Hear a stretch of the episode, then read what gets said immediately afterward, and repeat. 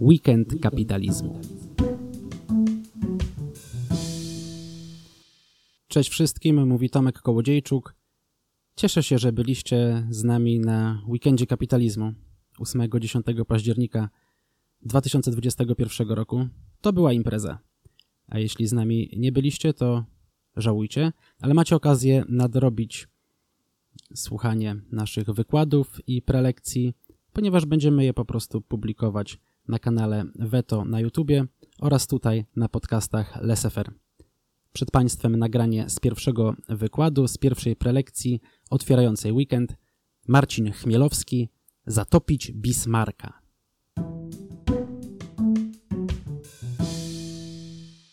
Tomku, bardzo dziękuję za przywitanie mnie. Wam bardzo dziękuję za obecność. E, bardzo mi imponuje to, że chcieliście przyjść na kolejną libertariańską gadkę zaraz po, co tu dużo nie mówić, bardzo fajnym biforku. E, no ale ja jestem jednym z, jednym z was. Ja też byłem na tym biforku i też mi się bardzo podobał. E, o czym będę dzisiaj mówił? Otto von Bismarck. No, to jest taka postać, której możemy nie lubić i jako libertarianie czy liberałowie bardzo często to właśnie robimy, że nie lubimy go. Ale co trzeba przyznać Bismarckowi, e, to to, że miał ogromny wpływ na politykę krajową swojego kraju Niemiec i europejską.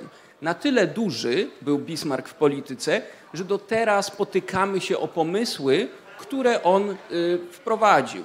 System emerytalny bismarckowski ma to do siebie, że on nie wyżywi naszych emerytów. To on nas wpędzi do grobu, nas młodych ludzi, którzy mają na to pracować. No ale prawda jest taka, że Bismarck był upamiętniony na zupełnie, zupełnie różne sposoby. E, jednym z tych sposobów był totalnie głupi pomysł pewnego niespełnionego akwarelisty niemieckiego, aby największy okręt wojenny floty niemieckiej Kriegsmarine nazwać imieniem Bismarcka. Nie miało to najmniejszego sensu. E, Bismarck miał e, jasną geopolityczną myśl. Niemcy mają rozwijać się w Europie, szczególnie w jej centralnej części. Nie mają szukać szczęścia na jakichś zadymach zamorskich no ale tak niestety wyszło, że pewien no, fan gigantomanii e, stwierdził, że zrobimy trochę inaczej i nazwiemy największy okręt naszej floty imieniem żelaznego kanclerza. Okręt e, Bismarck był największą maszyną wojenną tego teatru wojny, czyli powiedzmy e, północnego Atlantyku, Europy. Owszem, Japończycy już wtedy budowali swoje pancerniki, które były bardzo duże. Amerykanie do wojny jeszcze nie weszli, mieli też bardzo duże pancerniki, ale największą aktywną maszyną wojenną był faktycznie pancernik Bismarck. E, jego rola była prosta. No, miał na tyle utrudniać życie Wielkiej Brytanii, żeby ostatecznie jej to życie odebrać. Po prostu miał terroryzować handel zagraniczny, międzymorski, e, północnoatlantycki, pomiędzy Wielką Brytanią i liniami zaopatrzeniowymi. Miał po prostu zatapiać statki, niszczyć, zatapiać, zatapiać, zatapiać. I ostatecznie zatopić Wielką Brytanię, prawda? Oczywiście w sensie metaforycznym. No to co zrobili Brytyjczycy? No pierwszy pomysł, jaki możesz mieć, jeżeli ktoś ma bardzo duży okręt wojenny, no to co? Wystawmy nasz największy okręt wojenny i Brytyjczycy mieli coś takiego. E, był to krążownik liniowy Hood, zwodowany w 1920 roku. Libertarianom obecnym na sali podpowiem, że łatwo to jest zapamiętać, to jest 6 lat przed narodzinami Rothbarda. 6 lat przed narodzinami Rothbarda, 6 lat przed naszą erą. To już będziecie wiedzieli o co chodzi, nie? E, on był oczywiście 20 lat starszy od tego Bismarcka, który był zwodowany w 40. E, no był trochę stary, ale jednocześnie był doposażony, załoga była dzielna, kapitan był człowiekiem na poziomie, e, salwa była mocna, nie? Okej, okay. starcie w ciśninie duńskiej skończyło się tak, że z całej załogi 1418 marynarzy z Huda przeżyło trzech. Taki był Bismarck, taka była kopara. Okej. Okay. I wtedy Brytyjczycy musieli zacząć myśleć. Nie? To już był ten moment, że okej, okay, to, to standardowe zachowania, standardowy nasz pomysł nie działa, musimy wymyślić coś innego. E, dodatkowo motywowała ich po prostu zemsta. Co tu dużo nie mówić, Hud był taką no, dumą floty.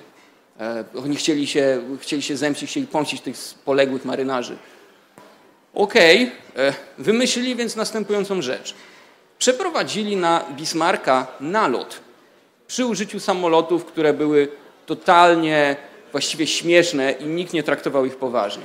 E, ja nie mam prezentacji, ale wy macie smartfony i możecie sobie wygooglać Fire Swordfish. Taka maszyna. E, Fire Swordfish miał to do siebie, jak go zresztą zobaczycie na zdjęciach, że wyglądał bardziej jak samolot z I wojny światowej niż jak z II wojny światowej. To była konstrukcja dwupłatowa, obszyta płótnem jeszcze, e, z takim dużym, trochę nieporęcznym, kuriozalnie wyglądającym silnikiem gwiazdowym e, produkcji e, Bristol Pegasus i do tego oni po prostu pod ten samolot podczepiali torpedę. Nie? Tak jak powiedzmy mamy torpedy, które zatapiają statki czy okręty i są wypuszczane przez łodzie podwodne, to oni po prostu podczepiali torpedy pod samoloty i wtedy samolot dokonywał takiego nalotu. Leciał blisko nad lustrem wody, wypuszczał torpedę i oddalał się, żeby nie zostać zniszczonym, prawda? Pomysł Brytyjczyków był taki, żeby przy użyciu tych samolotów, no przynajmniej spróbować coś zrobić, nie? jakoś osłabić tego Bismarcka. I był taki nalot, kiedy to 15 y, załóg, to były po trzy osoby, 15 y, załóg y, Fire'ów, Swordfishów wyruszyło na tego właśnie Bismarcka. To było niesamowite, bo to było takie wydarzenie, które jeżeli cokolwiek w popkulturze mogłoby przypominać, to byłoby to to starcie, jak pewnie to widzieliście. E, King Kong, który walczył z samolotami na, e, na, na, na szczycie wieżowca. To dokładnie tak wyglądało. Jeżeli coś w popkulturze jest do tego podobne, to to było właśnie to. Mamy jednego wielkiego potwora i rój takich złośliwych os, które dookoła niego krążą i próbują go urządlić.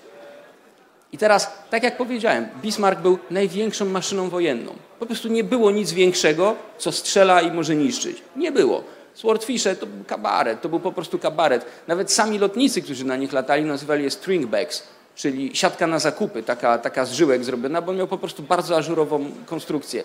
To nie był dobry samolot, po prostu. I nikt tak naprawdę nie spodziewał się, że tym pilotom się uda.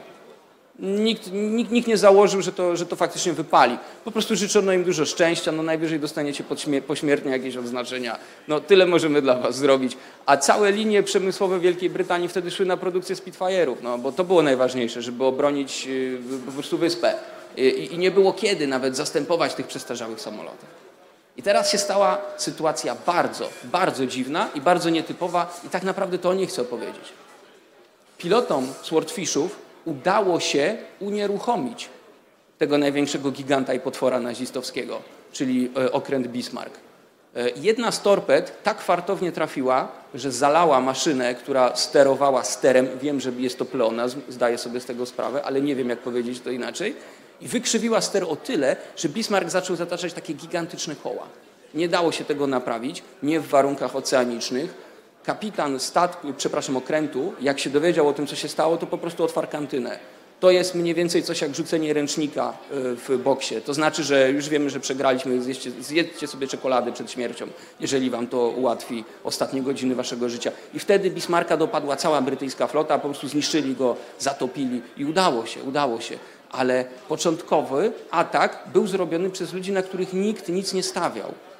A najlepsze jest jeszcze to, że z tych 15 załóg nikt nie zginął tego dnia. Nie wszyscy ci lotnicy y, przeżyli wojnę. Niektórzy nie przeżyli tej wojny, ale podczas tego ataku nikt nie zginął. Byli ranni, owszem, ale y, każdy samolot wrócił na swój lotniskowiec, bo to był atak z lotniskowca. I teraz sytuacja, moim zdaniem, jest trochę podobna do, tego, do tej sytuacji, w której jesteśmy my. Na nas też nikt nie stawia. Na libertaria nikt nie stawia. E, nawet my sami przeważnie w siebie nie wierzymy. To jest smutne, ale powinniśmy w siebie zacząć wierzyć. E, dlaczego tak się dzieje? No bo patrzcie, no przecież Lewiatan jest taki duży, potężny, ma gigantyczną kasę. E, jest przecież Narodowy Instytut Wolności, jeśli chodzi o trzeci sektor. Są spółki Skarbu Państwa, e, są parlamentarzyści, są gigantyczne wpływy. A my co? Spotykamy się w namiocie cyrkowym. Nie? Na nas nikt nie stawia i nawet my czasami na siebie nie stawiamy. Ale to jest tak naprawdę nasza zaleta. To jest nasza zaleta. Na pilotów Swordfishów też nikt nie stawiał. Nikt na nich nie postawiłby złamanego grosza. Okazało się w starciu z Bismarckiem, że wszystkie wady tych przestarzałych samolotów są ich zaletami. Po pierwsze, pociski, które trafiały w te samoloty, przechodziły na wylot, bo konstrukcja była tak miękka, powiedzielibyśmy wręcz, dziadowska nie, y, po prostu nie odpalały się, ta, ta spłonka nie, nie zadziałała, więc one przechodziły. Rekordzista był postrzelony 125 razy. Samolot dostał 125 razy i tak puścił torpedę, może nawet tą, która y, uszkodziła Bismarcka na tyle, że reszta floty była w stanie go zniszczyć już totalnie i wrócił. Dwóch z trzech tych członków załogi było rannych, ale wszyscy przeżyli. To pierwsza rzecz. Druga rzecz. Ówczesne systemy celowania były dostosowane do dużo szybszych samolotów. Swordfishe latały bardzo powoli, ale były przy tym bardzo stabilne w locie. Piloci byli bardzo odważni i byli wyszkoleni, byli przećwiczeni. Znali się, dogadywali się. E, dzięki temu mogli bardzo skutecznie te torpedy puszczać. Cała sytuacja polega na tym, że jak chcecie zrobić taki nalot, jeżeli kiedyś będziecie, akurat będziecie robili naloty y, torpedowe na y, okręty wroga lub statki wroga, to pamiętajcie, żeby lecieć blisko przy lustrze wody. Blisko przy lustrze wody. Oni się tego nauczyli jeszcze niektórzy z nich na y, Morzu Śródziemnym podczas walk o Maltę i, i, i tam jeszcze z flotą włoską e, i byli w stanie opowiedzieć to e, swoim kolegom z innych załóg. Więc to jest ważne. Popatrzcie na to, ile daje kantyna, czyli te wszystkie biforki, afterki, nasze konferencje. To też jest bardzo duża siła. Rozmawiajcie ze sobą, poznajcie ludzi, z którymi się jeszcze nie widzieliście. Będziecie mieli więcej kolegów, ale dowiecie się rzeczy, które mogą być dla Was operacyjnie ważne. To może być ten efekt motyla. To jest kolejna sprawa. E, I finalnie e, udało się zrobić coś takiego, że gigantyczna maszyna wojenna Brytyjczyków zawiodła, a wygrały oldschoolowe dwupłatowce z największym potworem nazistowskim. Więc to jest to. Oni mieli jeszcze jedną przewagę i to jest też coś, co my mamy, a czego nie ma żaden państwowy lewiatan. My się możemy bardzo łatwo rekonfigurować. Bardzo łatwo.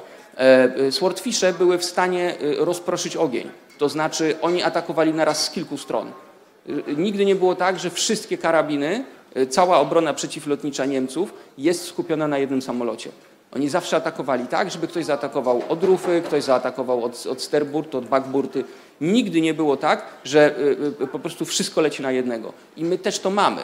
Sektor libertariański, nasz klaster y, na tym właśnie polega. Mamy rekonfigurowalność, mamy różnych przedsiębiorców idei, którzy zajmują się różnymi tematami. Ja nie znam się na bitcoinie. Nie muszę. Bo wiem, że na tej sali to jak powiem, ktoś jest na bitcoinie, to z 20 rąk się podniesie. I bardzo dobrze, o to chodzi. Są tutaj ludzie, którzy znają się na biotechnologii. Ja się na tym też nie znam. Ale ja się z kolei znam na czymś, na czym nie znają się inni. I to też jest coś. Więc my to mamy. My mamy witraż. Nie musimy mieć silnej, twardej struktury pancernej, bo ona tak naprawdę jest łatwo zatapialna. I piloci, Bismarck, e, piloci Swordfishów to właśnie pokazali. Nasza rola jest natomiast dużo trudniejsza. My tak naprawdę mamy dwóch przeciwników. To nie chodzi o to, że my po prostu walczymy z lewiatanem, bo to jest jak gdyby jedna rzecz. Ale ten lewiatan ma, powiedziałbym, dwie natury i każda z nich chce nas, nas kontrolować. Jeżeli będą jacyś przyszli historycy ruchu libertariańskiego w Polsce, jeżeli komuś będzie się chciało to zrobić, to prawdopodobnie zauważy jedną rzecz, że mniej więcej 20 lat potrzebowaliśmy na to, żeby zrozumieć, że nie jesteśmy prawicą. Nie jesteśmy prawicą po prostu. W tej chwili jesteśmy intelektualnie, finansowo, zapleczowo, mentalnie też niezależni od myśli prawicowej i bzdury polegające na dziwacznej wizji dzieł zebranych Miltona Friedmana, jeszcze najlepiej Ludwika von Misesa, postawionych na kominku czy nad kominkiem w dworku szlacheckim, no ta wizja już upadła, po prostu. My już wiemy, że jesteśmy niezależni od prawicy. Nie podzielamy z nimi ich lęków i nie podzielamy z nimi ich panicznej potrzeby kontroli. Panicznej potrzeby kontroli. Ale pamiętajcie o jednym, lewicą też nie jesteśmy. Libertarianizm nie polega na tym, że jesteśmy za lewicą, tylko i też za wolnym rynkiem jednocześnie. Jesteśmy czymś innym.